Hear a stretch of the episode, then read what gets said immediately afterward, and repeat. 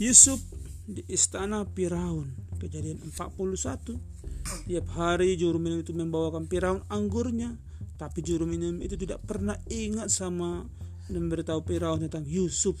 Jadi dua tahun berlalu dan Yusuf masih di dalam penjara. Lalu satu malam Firaun bermimpi, mimpinya aneh. Dalam mimpinya Firaun sedang berdiri di tepi sungai. Ia melihat ada tujuh ekor lembu yang gemuk-gemuk. Kemudian dia berjalan keluar dari air. Tapi kemudian tiba-tiba ada tujuh ekor lembu yang kurus-kurus menyusul ketujuh ekor lembu yang kurus itu memakan ketujuh ekor lembu yang gemuk-gemuk itu tapi ketika sudah dimakan sama ekor sama ketujuh ekor lembu yang kurus tapi mereka masih kurus Firaun terbangun ih pikirnya aneh mimpiku ini. Lalu Firaun tertidur lagi. Dan mulai bermimpi lagi.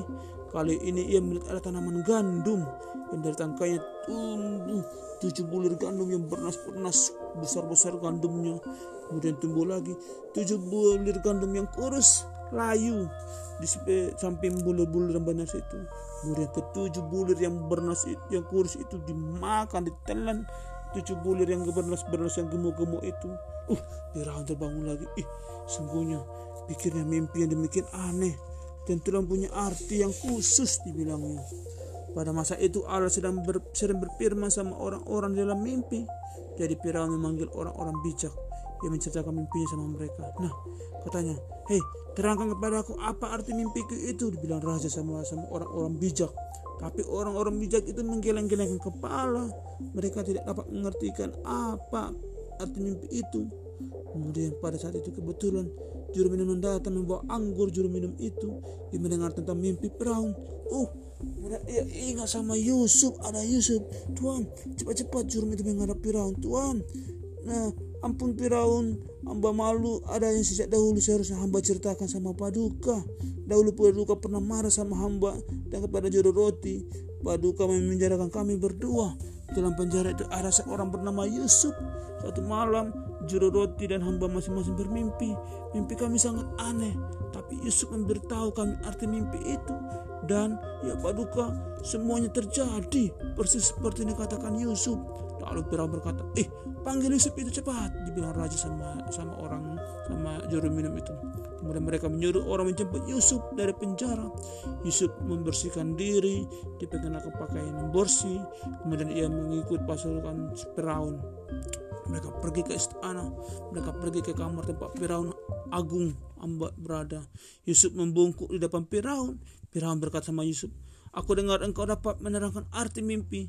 Tapi Yusuf menyaut, hamba tidak dapat menerangkan arti mimpi. Tapi Allah yang di atas dapat melakukan hal itu. Jadi Firaun menceritakan mimpinya sama Yusuf. Ia menceritakan ada tujuh ekor lembu yang kurus-kurus memakan tujuh ekor lembu yang gemuk-gemuk.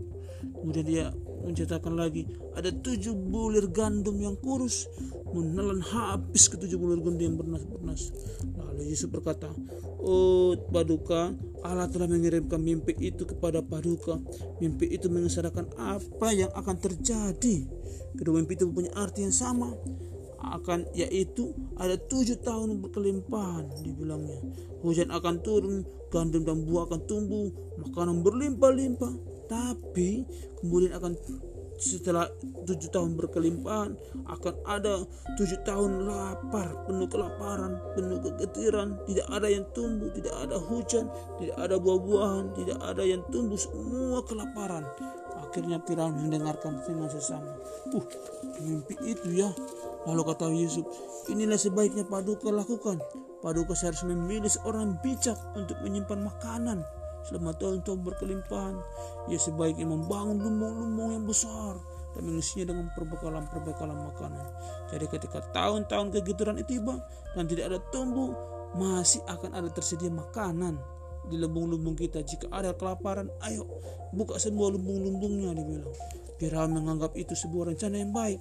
Kata Firaun, Ih, Yusuflah seorang yang paling bijak di seluruh Mesir. Biarlah Yusuf yang mengurus makanan, membangun lumbung-lumbung itu. Jadi Firaun mengangkat Yusuf menjadi gubernur Mesir. Firaun mengambil seben, ambil cincinnya dan jari-jari-jarinya dan masukkan ke jari Yusuf. Ia mengalungkan kalung rantai emas di leher Yusuf. Ia memberi Yusuf pakaian-pakaian yang indah untuk dikenalkan dan dia diperkenalkan Yusuf mengendarai kereta Firaun. Firaun memerintahkan semua penduduk untuk melakukan apa yang dikatakan Yusuf. Jadi Yusuf seorang budak, seorang menjadi gubernur Mesir. Tujuh tahun berkelimpahan tiba, Yusuf membangun lumbung-lumbung besar yang mengisinya dengan perbekalan-perbekalan makanan. Lalu ke tujuh tahun, datang ke tujuh tahun kelaparan, kegetiran, tidak ada yang tumbuh di ladang dan di kebun. Tapi Yusuf akhirnya membuka lumbung tersedia cukup makanan untuk setiap orang di mana pun. Amin.